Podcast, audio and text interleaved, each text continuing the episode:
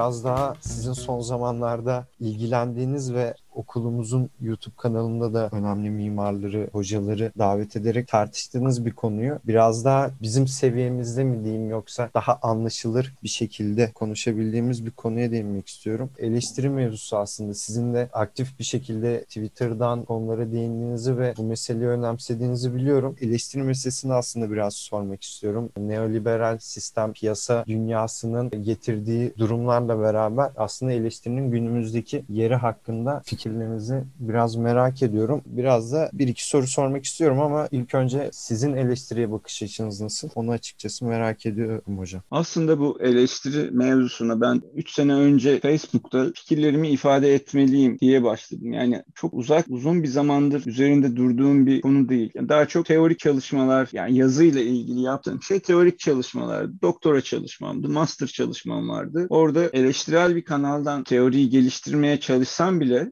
hiçbir zaman böyle yapı odaklı bir eleştiriye, söylem odaklı bir eleştiriye aslında dönmüyordu. Zaten daha öncesinde ofisim vardı. Kendi aramızda projeleri eleştiriyorduk. Kendi yaptığımız projeleri, arkadaşlarımızın yaptığı projeleri, yarışma projelerini gene eleştiriyorduk ama böyle uzun metinlere hiçbir zaman dönüşmüyordu. Sanırım Yapı Kredi ilk yapıldığı zaman ben fikirlerimi yazmalıyım diye düşünmeye başladım. Bu yapılarla ilgili. Çünkü artık görünen, çok bariz görünen şeyler vardı ve bütün bu tarafları hiç konuşulmadan yapıların, binaların binaların de söylemlerin, mimari söyleminde bunu dahil edebiliriz işin içine. Sadece güzellemelere dönüşmüştü iş. Ben ben çok sıkıldım artık bundan. Yani bunu konuşmamız gerekiyor. Dedikleri şey. Evet, başla, başladığında ama kısa kısa Facebook şeyleriydi bunlar. Bildirimleri gibiydi. O zaman tabii daha Facebook 2017 falan diyebilirim. 2017, 2018 belki. Bu kadar daha da gözden düşmemişti. Şimdi iyice geçen jenerasyona ait bir sosyal medya platformuna dönüştü. İster istemez. Çünkü 2007'de çıkmış yanlış hatırlamıyorum hatırlamıyorsam. Da bayağı eski 14-15 senelik bir sosyal medya platformu. İlklerden biri tabii daha öncesi de var ama e, bu kuşağın da bildiği en eski sosyal medya platformu diyebilirim. Yazılı zaten Twitter'ın belli bir kısıtı vardı. Orada şimdi o ikiye katlandı karakter sayısı. Facebook'taki gibi yazmak zaten mümkün değildi. Twitter'da genelde aforizmalara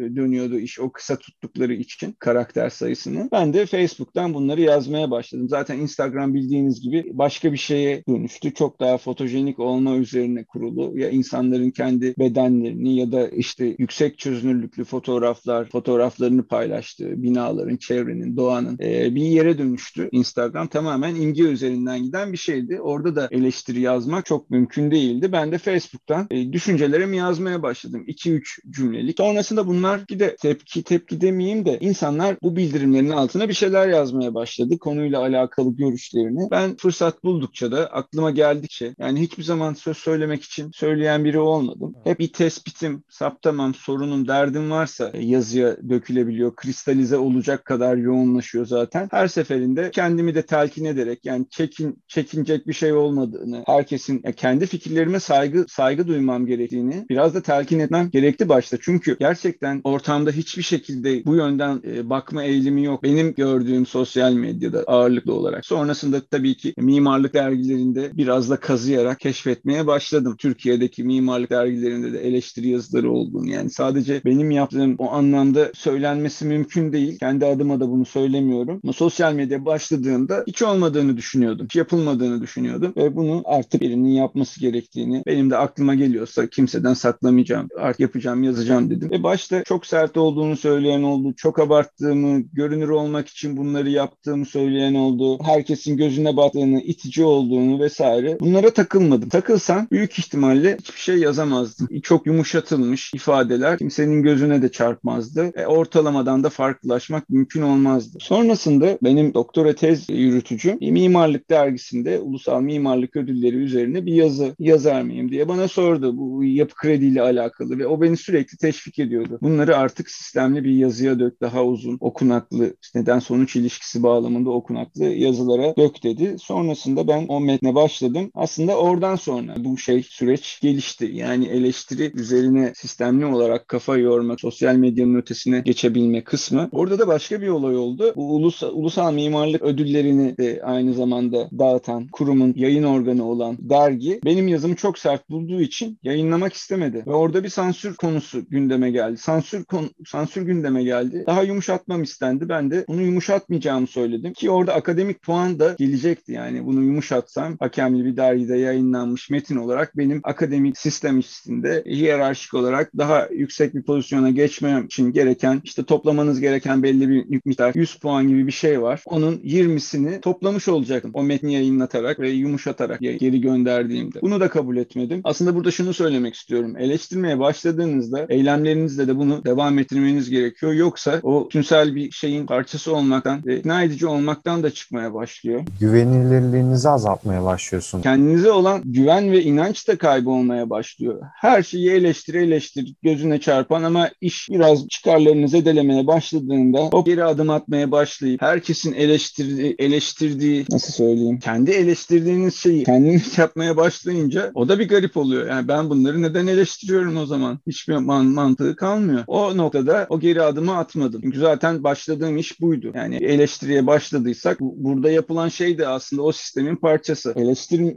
eleştirmeyi engelleyen sistemin parçası. Ama ben tam tersi yönde eleştiriyi de yaygınlaştırmak ve bunun bunun normalleştirilmesinin taraftarıydım. Bunun normalleştirilmesi için de o sansüre karşı gelmek gerekiyordu. Ee, sonra onu yapınca tabii dergi iptal etti. Ben de arkaya verdim. Ondan sonra aslında gene aklımda yoktu. Yani gene sosyal medyadan devam edebilirdim ama sonra OMM'yi gördüm. Sıkıntılı bir bina. Yani ilk şeyden fotoğraftan belli OMM'nin sıkıntılı bir bina olduğu tektonik anlamda. Ama zaten bir şeyin tektonik sıkıntısı varsa başka sıkıntıları da böyle arkadan çıkmaya baş çektiğinizde o ipi. Eleştiri biraz böyle bir şey aslında. İpi tuttuğunuzda çekmeye başladığınızda sökülmeye başlıyor iş. Gerisi geliyor. Evet ve düşündüğünüzden de fazla geliyor. Dediğim gibi yapı krediden sonra aslında gündemimde yoktu. Bir eleştiri metniyle bu iş benim için bitmişti. Sonrasında da gene sosyal medyada 2-3 cümleli kendi saptamalarımı aktarmayı düşünüyordum ama sonra bunu bu formatta acaba sosyal medyada devam edebilir miyim diye düşünüp Melike Altınışık'ın kulesiyle yazdım. Biraz daha kısa ve daha az zamanda ama testlerimi daha uzun gaz gazete yazısı formatında yazmayı denedim. Alıntıları da altına ekleyip tabii kafanızda net format yok. Yani kendi adıma söylüyorum bunu. O da bir arayış. Hangi formda üretilebilir? Hem süre sıkıntıları var hem gündemde e, gündemde olan bir şeye dair söz söylemek gerekiyor ki insanlar da o şeyi kalayıp ona katılabilsin ve o sözce büyüyüp sorgulama süreci tetiklenebilsin. Böyle olunca daha hızlı, biraz özensiz ama o gündemi yakalamak adına o özensizliğin olması kaçınılmaz ister istemez oluyor. Ondan sonra OMM ile ilgili görüşlerimi de kristalize edip onları da yazdım kendi sosyal medya hesabımda. Sonrasında bir gün Instagram'da bir baktım Sanat Atak benim metni yayınlamış hiç bana sormadan. Ya bakıyorum ya bu benim yazdığıma çok benziyor. İnsanlar demek aynı düşünüyor falan derken altta kendi ismimi gördüm. Sonra bu iş tabii şey artık dedim bu şeyi devam ettirmeliyim. Bu yazma mevzusuna. Çünkü bir takım akademisyen ya da akademideki mimar yazmayı seven diyelim mimar teorik yazı yazmayı sever. Ben teoriyle pek arası olmayan biriyim. Yani teorik metinlerle ilgilenmeyi çok seviyorum ama yazmak bana zor geliyor ama eleştiri yazmak hala o şeyin yapıyı da bırakmadığım için daha keyifli bir halde. Yani bu işin aslında tasarım kısmıyla çok daha e, ilgilenmeyi seven biriyim. Teoriyle de ilgilenmeyi tabii ki seviyorum ama tasarım yapmayı da çok seviyorum. İkisi arasındaki fark o. Ama eleştiri teoriden çok bana hala şeye daha yakın kalma fırsatı veriyor gibi geldiği için e, eleştiride ısrarcı olmam gerektiğini ve akademik pozisyonumu da bu anlamda da uyumlu olabileceğini gördüm ve onu artık bir şey olarak, üretimi bir parçası olarak yarışmalar gibi devam ettirmeye çalışıyorum. Ona mesai ayırmaya çalışıyorum. İşte bunun için öğrencilerle konuşuyoruz. Yüksek lisans öğrencileri olabilir belki lisans öğrencileri. Kendime aynı yarışma ekibi, ekibi gibi aslında bir tane de eleştiri ekibi kurmaya çalışıyorum ama o çok daha zor oluyor. Bu tip denemelerim de var aslında üretimi o şekilde geliştirmek için ama eleştiri çok yakın bir mevzu aslında. 3 senelik bir mevzu. Tabii yokluğu çok fazla hissedilen bir alan olduğu için yaptığınız anda hemen öne çıkıyorsun ister istemez. Çünkü yarışma yapan bir sürü insan var. İşte bina yapan bir sürü insan var. Bina yapan bir mimar olarak öne çıkabilmenizi sağlayan şey de iyi uygulanmış ve özel bir yapı yapıya ait olması. Yani bir apartmanla öne çıkmanız çok zor ya da kötü uygulanmış bir kültür merkeziyle öne çıkmanız çok zor. Ama eleştiride benim isteğim dışında, çabam dışında birden o görünürlük söyleyeyim bunu. Kendiliğinden oldu. Benim beklemediğim şekilde fazla bir şekilde oldu hatta. Bir taraftan sadece e, eleştiri yapıyor gibi anılmaktan hatta rahatsız olmaya başladım veya sadece bununla görünür olmaktan ama ona da yapacak bir şey yok. Yarışmalara devam ediyorum. Yarışmalar olabildiğince katılmaya çalışıyorum. Ekibimizi kurmaya, onu sürdürülebilir hale getirmeye. Ama dediğim gibi oradaki rekabet ve katılım çok fazla olduğu için ancak 2-3 yarışma arka arkaya kazandıktan sonra o görünürlük ki o da kısa süreli görünürlük. Çünkü çok iyi ekipler var. İsmini bilmiyor yeni kuşaklar. Çünkü son yarışmalarda ödül alamamışlar. Ya da işte bir sene içinde bilinildiği oluyor. Sonra gene unutuluyor. Ama bu eleştiri öyle olmadı. Yani 2019'da 2018'de yaptığım eleştiri üzerinden hala bir yerde konuşma e, yapabiliyorum rahatla. Çünkü üstüne çok o medyatiklikte, çarpıcılıkta belki yazı gelmedi. Anlatabiliyor muyum? Böyle bir garip bir alan aslında. Ünlü olabilmek için kullanılabilecek, istismar edilebilecek alan gibi de görünüyor. Ama insanlar o işe de soyunmuyor bütün bunlara rağmen. Çünkü network'ünüzü dağıtan bir şey aslında etkinlik. Çevrenizde insan kalmıyor. Her şeyi eleştirmeye başladığınızda en yakın arkadaşınızla ya bari işte buna laf söyleme demeye başlıyor. Ya ben yarışma ve eleştiri ikilisiyle alakalı bana biraz şöyle geliyor. Yarışmalar sürekliliği olan ve birçok ekibin katıldığı bir durum ve kazananlar sürekli olarak değişebiliyor ama eleştiri dünyasında dediğiniz gibi birçok kimse de girmeye çekiniyor gibi ve çok da fazla eleştirmen göze çarpmıyor. Böylece aslında sizin görünürlüğünüz de kaybolmamış oluyor. Evet bir de şey var tabii eleştirmek için de belli bir teorik donanım lazım. Yani el yordamıyla eleştiri yaptığınızda o metinden hemen anlaşılır, okunaklı oluyor. El yordamıyla yapılan eleştiri. Belli bir teorik akademik formasyon demeyeyim ona ama en azından master düzeyinde bir üniversitede eğitime devam etmiş olmak ya da hoca öğretim üyelerinden, profesörlerden mürekkep yalamış insanlarla irtibat halinde olmak gerekiyor ki e, kaleminiz güçlensin. Çünkü yazmak e, aslında çok zor bir iş. Ben yapı krediyi mesela 3 ayda yazdım. 3 ayda da yarışma da yaptık. Hani e, çok benzer süreçler ve daha çok kısa zamanda bir günde iki günde yazdığım yazılar da oluyor. Ama ikisini karşılaştırınca hemen kısa sürede yazılanın anlaşılması o kadar kolay ki imla hatalarından vesaire değil. Tüm metnin örülmesinden, özeninden, eklemlenmesinden, kelime seçimlerinden, verilen referanslardan, bağlantılardan, çerçeveden, çizilen çerçeveden her şeyden o metnin ne kadar sürede yazıldığını uzun süreli bir metinle karşılaştırdığınızda e, çok kolay anlayabiliyorsunuz ama mesela Taksim üzerine yazdığım yazı veya Twitter'da paylaştığım tespitler çok hızlı tespitler, yanlış tespitler değil ama bir eleştiri yazısına dönüşebilecek çerçeveye sahip değiller. Çok noktasal tespitler var ya da çok genel tespitler var. Eleştiri biraz onların ikisinin ortasında genelden özele geçişin de akıcı bir şekilde olduğu bir metin gibi geliyor bana. O yüzden Twitter'daki te-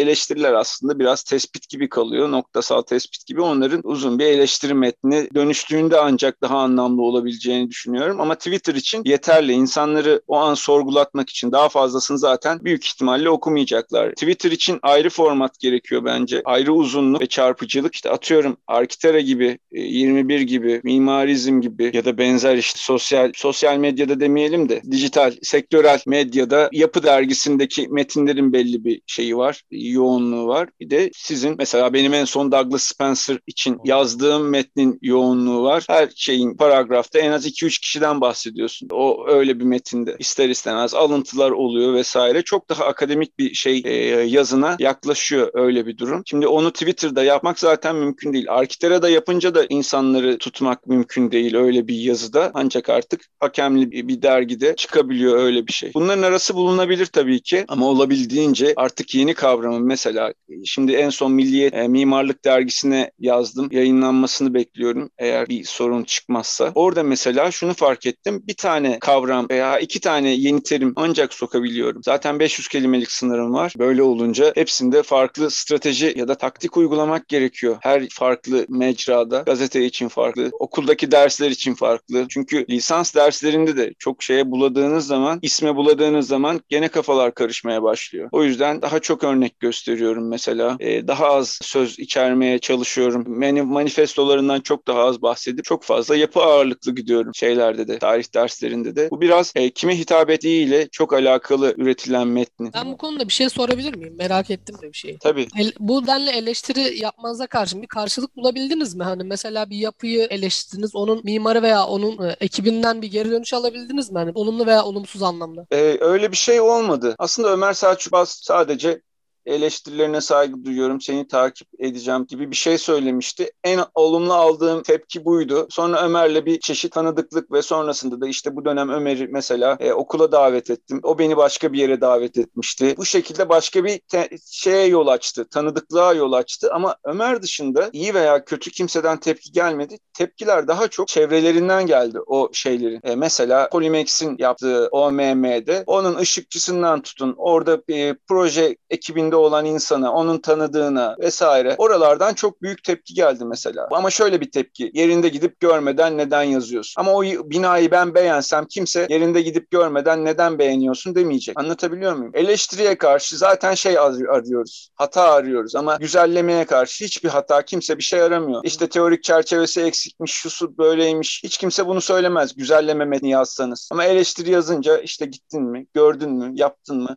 Sen bir şu şartları karşıladın mı? Neden ele, ya, o zaman eleştiri yazıyorsun diyorlar. Ama bir güzelleme metnine kimse gittin mi, gördün mü, ettin mi diye sorgulamaz baştan. Şimdi öyle olunca işte tanıdıklarla çok uğraşmak zorunda kalıyorsunuz. O çevresiyle. Direkt Hangokuma bana bir şey yazmadı tabii ki. Ya da TET'ten kimse bana bir şey yazmadı. Ama çalışanlarından tutun. Mesela bu Taksim yarışmasında bir trolle muhatap olduk. Böyle alakasız zamanlarda kötülüyor. Benim projemi kötülüyor. İşte ekipten birini kötülüyor. Benim iyi anlaştığım birine sonra musallat oluyor. Büyük ihtimalle o ilk üçteki ekipte bir şey juniorlardan biri olabilir. Hani öyle düşünüyorum. En sevmediğim projelerden birindeki juniorlardan biri de olabilir ya da başka bir ekipteki e, juniorlardan biri olabilir. Ben daha çok e, şeyden, sevenlerinden veya organik bağı olan insanlardan o tepkiyi alıyorum. Yani şeylerden gelmiyor tepki. Müelliflerin hiçbirinden yazdığım hiçbir yapıya dair şey gelmedi tepki. Bir tek İPA'nın koordinatörüyle açıktan tartışıyoruz. E, onun etkinlikleri, eylemleriyle yani yarışmalarla ilgili itirazlarımda o da direkt cevap veriyor. Twitter formatında tabii bu şey tartışmalar yani çok akademik tartışmalar değil. Atışmaya bazen dönüşebiliyor. Ama Twitter mecrasının da formatı bu. Yani onu da orada kabul ettim Twitter'ı da ve elimi kirletiyorum yani Twitter'da da şey akademik formasyonu bir kenara bırakıyorsunuz. Zaten orada profesör, doktor vesaire onların hiçbir önemi yok. E, herkes vahşi batı gibi bir yer. E, trolü de var, linç linçleyeni de var, meraklısı da var, cahili de var, zır cahili de var. Herkes var yani Twitter'da. Biraz riskli bir ortam olsa da genelde hakaret vesaire olduğunda da engelleyerek minimum zararla çıkmaya çalışıyorum. Hocam şeyi söyleyebilirim. Ömer Selçukbaz'la ilgili bence ikiniz de kuramcı düşünen insanlar olduğunuz için anlaşmanız daha kolaymış gibi geldi bana. Çok da şaşırmadım. Şimdi Ömer e, Almanya'da yetişmiş yanlış hatırlamıyorsam ve Avusturya'da master'ını yapmış bir insan. E, belli bir şeyi okur yazarlığı olan ve kendini de e, dönüştürmeye çalışan, mimarlığa bakışını da zaman içinde değiştirmiş biri olarak eleştiriye bence çok açık. O çok olumlu. Yani bir çok medyatik bir mimar. İyi işleri var. Son zamanlarda yapılan işlerin en iyileri Troya Müzesi gibi Selçuk'un elinden çıkmış ve bu işe çok ben özen gösterdiğini düşünüyorum. Özellikle sunuş anlamında maketlerine baktığınızda ya da sunuşlarına baktığınızda iki boyutlu grafikleri bu işi sevdiği çok belli olan bir insan. Bu işe özen gösterdiği, hayatını vakfettiği çok belli olan bir insan. Bu bana normal geliyor. Yani buna biz basıp geçmek deriz.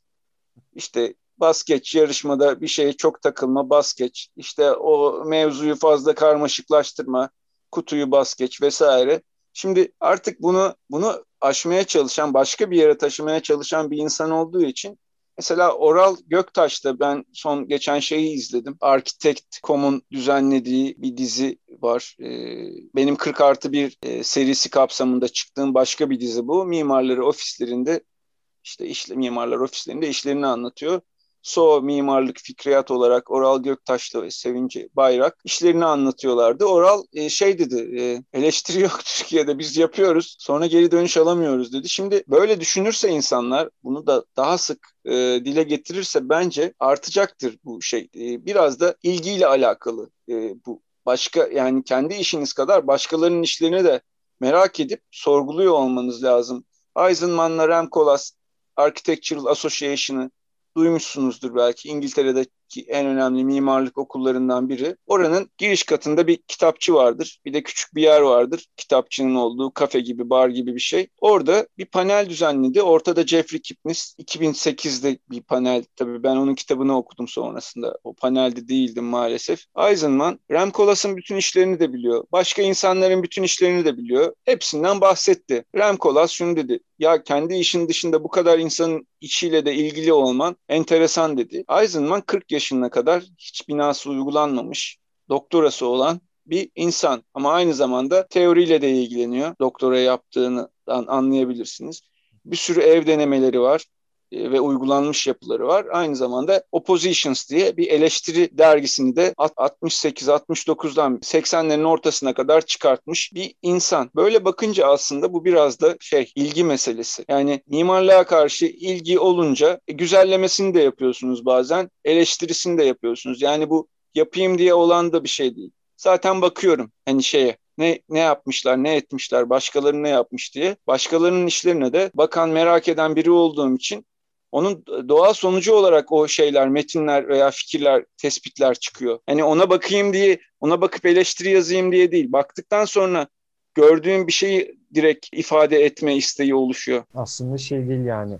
Binayı eleştirmek için bakmıyorsunuz. Bakıyorsunuz ve eleştirilecek evet. görüyorsunuz. Buna bağlı olarak da aslında yazmaktan da çekinmiyorsunuz. Evet kesinlikle süreç bu. Sonrasında ama bu eleştiri ortamına mecrasının da olduğunu e, fark ettiğimde bunu yapan insanların metinlerine de bakmaya başladım. İşte Burak Altınışık, Özlem Erdoğdu Erkaslan, Neşe e, Gürallar gibi e, ve bir, birkaç kişi daha var. Bunu Mimarlık Dergisi'nin işte bu sansürü uygulayan derginin enteresan bir ironik tarafı da bu. Onlar aslında eleştiri serilerini birkaç senedir yapıyorlar mesela. Bu da çok güzel bir şey ama aynı dergi sansürü de yapıyor. Şimdi bu da e, o zaten konuşmada Nevzat Sayın'ın, Abdü Güzel'in, Burak Hoca'nın ve Özlem Hoca'nın olduğu konuşmada Burak Altınışık bunu çok iyi ifade etti. 20'lerden o 40'lardan beri belki Zeki Sayar'la başlayan bu mimarlık dergisinin ulusal işte e, mimarlık yayını yapan ana derginin e, çok da can yakmayalım politikasının devamı. Yani 100 yıllık bir politikanın aslında şeyi bu sansür. İyi niyetli bir politikanın mimarlara zarar gelmesin, demotive etmeyelim diye aldığı bir şey. E biz mimar değil miyiz şimdi öyle bakınca? Bu eleştiri yazanlar da mimar. Onları neden demotive ediyor? Ve ben de Mimarlar Odası'na ayrıca üyeyim. Ben de para veriyorum. Hani öyle bakınca mimarları mimarlardan korumaya başlıyorlar. Hani o da bir başka garabete dönüşüyor. Ama dediğin, özetlediğin gibi hakikaten bu öyle bir şey. Bunu başka türlü de yapabilirsin tabii ki. Akademik bir etkinliğin parçası olarak da yapılabilir. Yani sırf yazmak için de yazılabilir. Yazmak için de bazı binalara bakılabilir. Ama benimki tam da dediğin gibi aslında gelişen bir şey, süreç. Aslında değinmek istediğim bir iki bir şey vardı burada. Mesela siz OMM'yi eleştirdiğinizde oradan biri size gidip görmeden eleştiriyorsun gibisinden bir geri dönüş yapmış ve bu biraz şey gibi geliyor bana. Ee, Douglas Spencer'ın kitabına bağlı olarak yazdığınız eleştiri yazısından da yola çıkarak söylüyorum. Bu neoliberal e, sistemde piyasanın bir rekabet ortamı yaratması ve o binayı yapanlar o piyasanın kazananları sanki ve e, o so onlara söz söyleme hakkınız yok. Çünkü onlar bunların kazananları ve başarmışlar bunu. Siz bu noktada neredesiniz de piyasa sanki e, onlara kulak tıkımamız veya hiçbir şey söylememiz gerektiğini veya söylediğimizin önemsiz kaldığını çünkü sen sadece konuşarak konuştuğun yerde kalıyorsun ama onu başarmış. Hani sen ne yaptın sorusunu get soruyorlar ya sürekli. İşte ben de eleştiriyorum, ben de bunu yapıyorum. Çünkü böyle Şimdi, problemler var. Ya bu bir retorik e, tartışmaya girmemek için e, buna Latince'de Latince'de bir ismi vardı. Onu etominemdi galiba. To the person demek. Yani insana saldır. Retoriğin bir retorik bir araç diyelim buna. Retorik de konuşma sanatı. Belagat. Rönesans'tan kalma, antik Yunan'dan kalma bir yani antik Yunan'dan kalma bir alan, etkinlik alanı, zihinsel bir etkinlik alanı. Aristoteles'in bulduğu ve sonra onu Rönesans bütün Grek e, dünyasına yaptığı gibi onu da kendine alıyor taban olarak zemin oluşturması adına retoriği de alıyor. Şimdi Atominem'de yani the person tartışma konusuna bakmadan direkt o insana saldırır. Ne yapıyorlar işte? Bir tanesi şu yarışma yarışmalarla ilgili mesela benim çok başıma gelen şey. Ben eğer o yarışmaya katılmadıysam söylenen şey şu oluyor genelde. Çok biliyorsan sen de yap.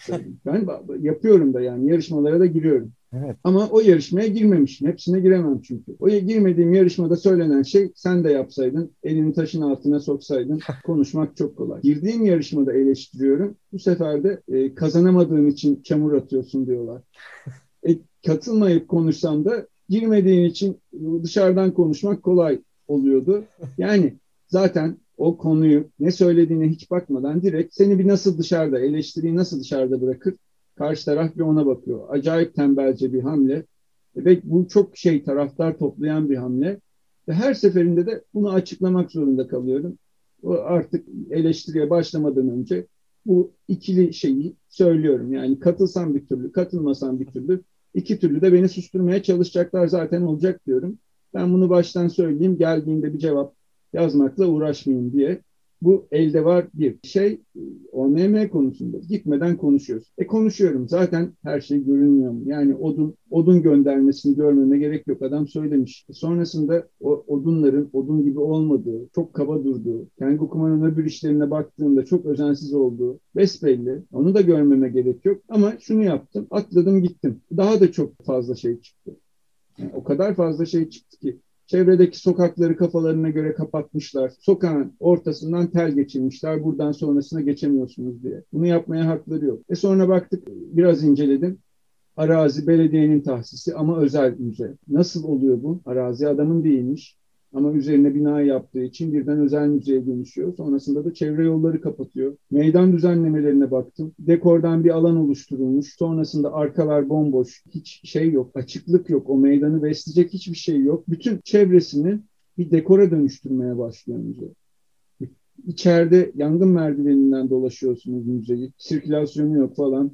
Yani neresinden tutsanız elinizde kalıyor. İyi ki de gitmişim dedim sonrasında ama bu şey böyle bir şey yok yani. Projeden de yapı eleştiri, yani e, proje eleştirilir. Nasıl derslerde yapıyoruz proje eleştirisi? İnşa mı edilmiş o yapı, şeyler? yapılar. Yapı değil de proje eleştiriyorsunuz. Çizimlere bakarak da çok rahatlıkla proje eleştirebilirsiniz. Yapının da fotoğraflarına bakarak belli bir seviyeye kadar eleştirebilirsiniz. Ama bu dediğim gibi retorik, retoriğin yani güzel konuşma sanatı, karşındakini tezini çürütmek için o teze değil de direkt o insana odaklanılıyor. İşte gittin mi? Sen ne yaptın? Ee, sen kimsin?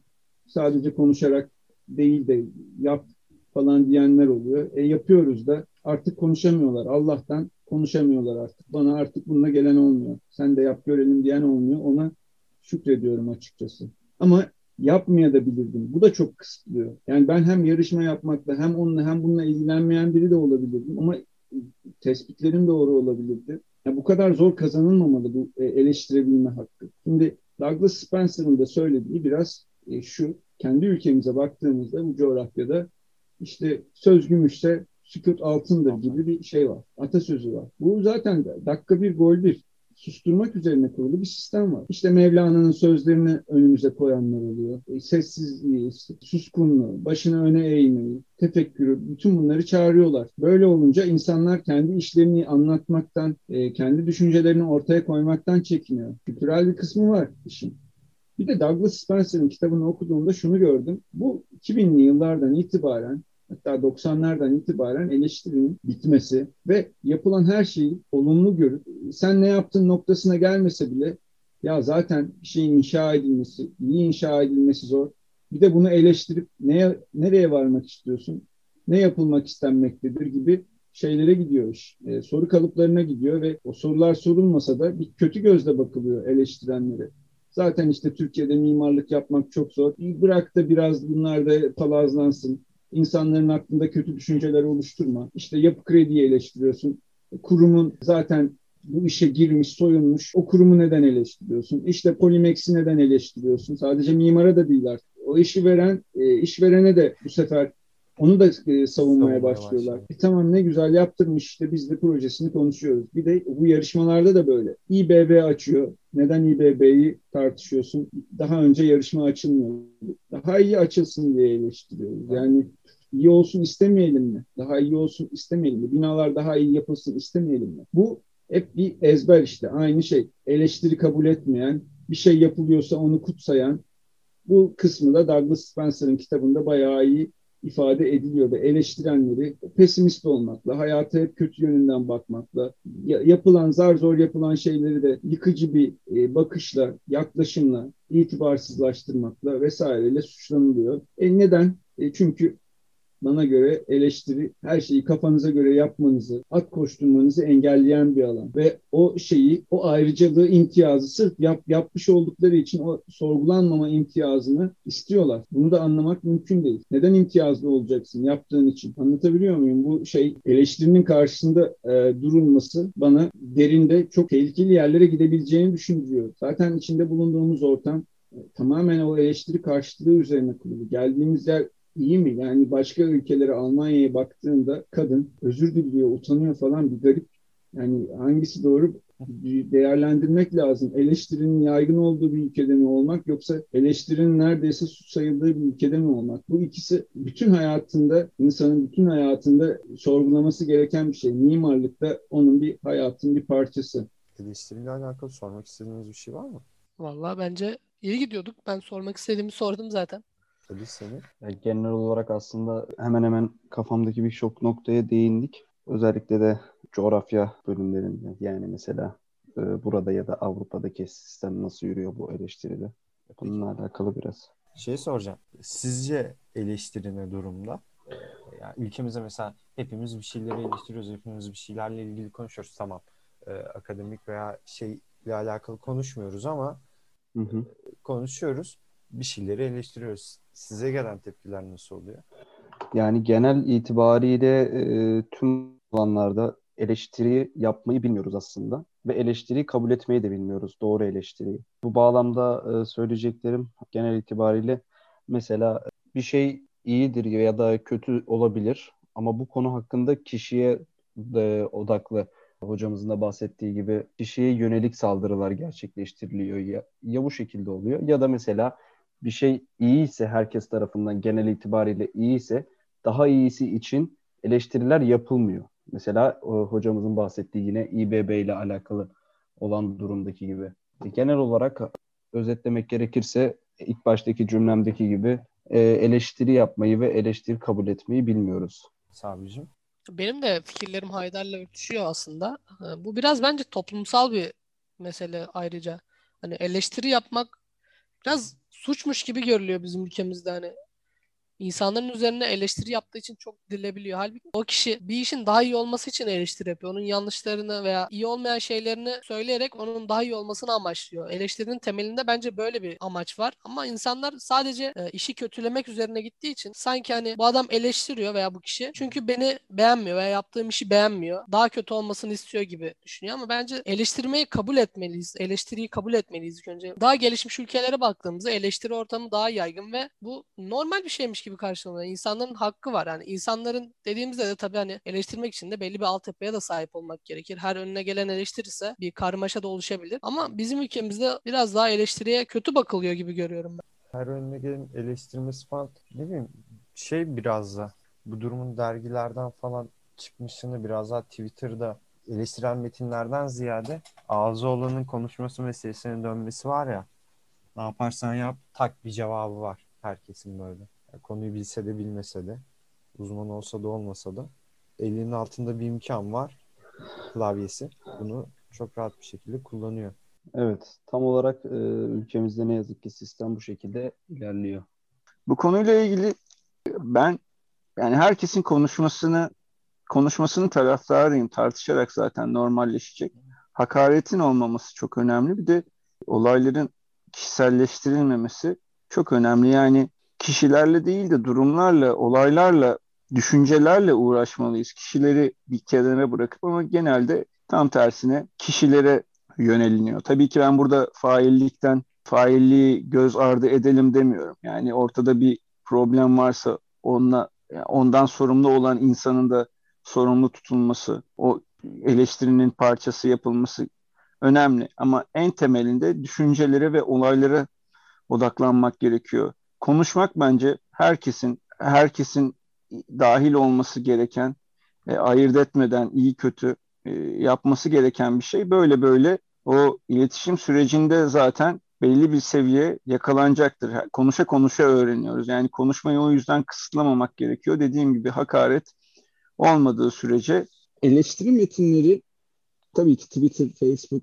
belli bir şeyde eleştirel etkinliği barındırıyor ama e, özellikle gazetelerin, dergilerin işte yazılı basının da önemli bir e, rol oynaması gerektiğini düşünüyorum. Bu Twitter'da yazmalıyız, Facebook'ta, sosyal mecralarda yazmalıyız, gündelik hayatta, aile içinde, işte arkadaş ortamında düşüncelerimizi hakaret etmeden ifade etmeyi öğrenmeliyiz ama bunun dışında bir de sistemli yazılı bir şey gerek. O da ağırlıklı olarak kamusal alanda e, aslında gazeteler ve dergiler.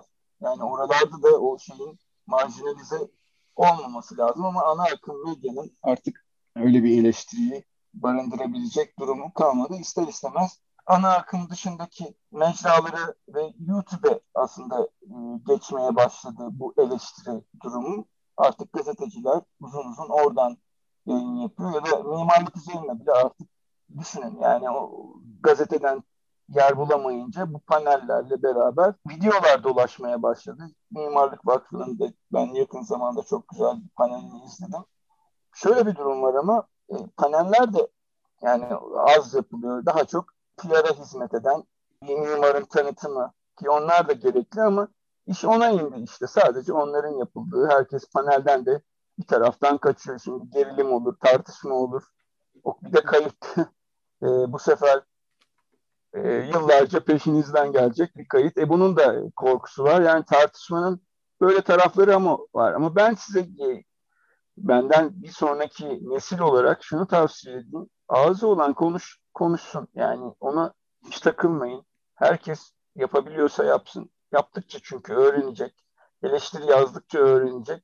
Bir zümreye ait bir şey değil. Bizim panelde de bu biraz konuşuldu. Mesela bir gazetede sanırım bir hanımın şeyi var. Bir köşesi varmış. Onun eleştirel bir köşe olmadığı söylendi. Yani bu ayrı bir şey tabii.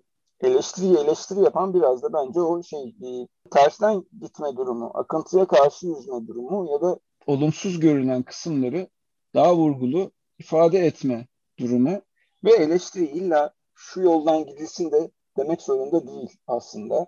Bir tespitte barındırabilir, bir çerçeve de çizebilir, okuma da yapabilir. Yani demin birkaç soru öncesindeki retoriğe buna da katabildim. Şey, sen ne öneriyorsun? Bir şey önermiyorum. Yani sadece bir tespitte bulunuyorum. Öneriyi konuşuruz. Önermek zorunda değil ama eleştiren önermek zorunda da değil. Yani doktor, e, akademisyen olmak zorunda da o konunun uzmanı olmak zorunda da değil. Alırsınız, bakarsınız, kale almazsınız, fırlatıp atarsınız. Burada şunu da ekleyeyim. Genelde insanlar şeyi karıştırıyor. Biz düşüncelere saygı duymak zorunda değiliz. Bizim saygı duymamız gereken şey Fransız devriminden beri söylenen şey şu. ifade özgürlüğü. İfade özgürlüğüne saygı duymak zorundayız. Yani bir insanın kendini ifade etmesine engel olan şeylere karşı durmak ve e, o yönde insanları teşvik etmek, engellenmemesi yönünde. Ama fikirlere saygı duymak zorunda değiliz. Fikirlere saygı duymak zorunda kalsak bir sürü şeyle beynimiz dolacak. Siz seçiyorsunuz ama hangisini beğenip hangisini beğenmeyeceğinizi seçiyorsunuz. Böyle olunca bir eleştiriye saygı duymak şöyle bir şey bana kalırsa. O insanın eleştiri yapma hakkına saygı duymak ve yaptığı eleştiriyi de ya sen de nasıl söyleyeyim e, bunu söyleyemezsin, yapamazsın. Sen kimsin ki bu eleştiriyi yapıyorsun gibi dememek aslında. Yoksa eleştiri söylediği eleştiriyi okursunuz ve saçmalık deyip çöpe atabilirsiniz ve saygı duymak zorunda değilsiniz. Benim saygıyla alakalı açmak istediğim parantez bu yönde çok karıştırılan bir şey. Düşüncelere saygı duymakla, düşünce özgürlüğüne, ifade özgürlüğüne saygı duymak arasında dağlar kadar fark var ve ben e, düşüncelere saygı duymak zorunda olduğumuzu düşünmüyorum. İnanç özgürlüğü de aynı şekilde aslında. Herkesin istediğine inanma hakkı var ama bizim inançlara saygı duyma zorunluluğumuz yok. İnsanların istediğine inanmasına saygı duyma zorunluluğumuz var. Yani kimseyi bir şeye inanmaya zorlayamayız ama inandığı şeye inanmak zorunda değiliz. Yani Hintliler şimdi ineğe tapıyor. Bana saçma geliyor. Ya yani bu durumda ben ineğe inanmaya inanmaya saygı gösterebilirim ama ineğe inanmak bana saçma geliyor. Anlatabiliyor muyum ikisi arasındaki farkı? Bence... O insanın istediğine inanma hakkı var ve bunun sonuna kadar savunulması gerek. Ama inandığı şeye hiçbir şekilde saygı duymak zorunda değiliz bence. Yani o ikisi arasındaki saygının nasıl devreye sokulacağı konusunda bir yanlış anlama olduğunu düşünüyorum açıkçası. Son verdiğiniz örnekleri bunu çok iyi açıkladığınızı düşünüyorum. Ben yani katılıyorum aslında bu söylediklerinizi son maddede çok üzerine söyleyecek bir şey de bulunmuyorum hocam. Olabilir tabii ki. Yani aklınıza gelince de eklersiniz. Şöyle bir şey oldu. Daha dün bir arkadaşımla konuştuk. İşte Twitter'a giriyorduk. Ben sadece gündemi takip etmek için kullandığım bir şey aslında. Ya bazı taklar var gerçekten çok komik. Hani şey bu pandemiyle alakalı plandemi ve büyük oyunu gö- görme meselesi falan yani bu bu noktada aslında biz ağzı olan konuşuyor meselesine açıklık getirmek için söylüyorum. Hani bu konuda söylüyorum. Yani milyonlarca insan hayatını kaybetmiş. Hala yani gerçekten hala inanmama durumu var ya hani bu şeyleri bu şekilde eleştiri getirme meselesine aslında biraz takıldığımız. Ama işte orada da şöyle bir şey var. Karşı taraf da sizin o, e, ona nasıl inanmadığınızı anlamıyor. Yani besbelli bir durum var ve siz bunun bir komple olduğunu göremiyorsunuz. Anlatabiliyor muyum? Evet. O pozisyondan baktığınızda siz hiçbir şekilde e, anlam laf anlamaz insanlarsınız. Yani o göreceli olduğu için bu durum öyle bir durumda artık insanların düşüncesini saçma bulabiliriz ama onu ifade etme hakkı var. Saçma deyip geçiyoruz. Yani bence yapılabilecek maksimum şey bu. Saçma senin fikrini kale almıyorum. Sen ama bunu ifade etme hakkına sahipsin. Bunun engellenmesine de karşıyım demek ve e, ilgilenmemek o fikirle. Yani yapılabilecek maksimum şey düz dünyacılar var. Şimdi düz dünyacıları ne yapalım? Hapse mi atalım? Düz dünya var diyorlar. Konuşmalarını engelleyelim? Ya ama e, işte uzaydan çekilen fotoğraflar, montaj, e, kolaj vesaire biz nasıl yere düşmüyoruz falan bir hikaye var yani bu düz dünya işi gel ünlüler falan da devam ediyor. Dediğim gibi ineğe de inanılıyor. Veya başkasına göre de bizim bu toplumun inandığı şeyler zırvalık. Öyle baktığınızda savaş çıkıyor sonra işte bu Avrupa e, birbirine girdi 1600'lü yıllarda en sonunda şeye geldi işte. Herkes herkes saygı duyması gerekiyor. İnanma özgürlüğüne geldi. Yoksa birbirlerini öldürüyorlardı. Yani o işin sonu zaten ölümle sonuçlandı belli.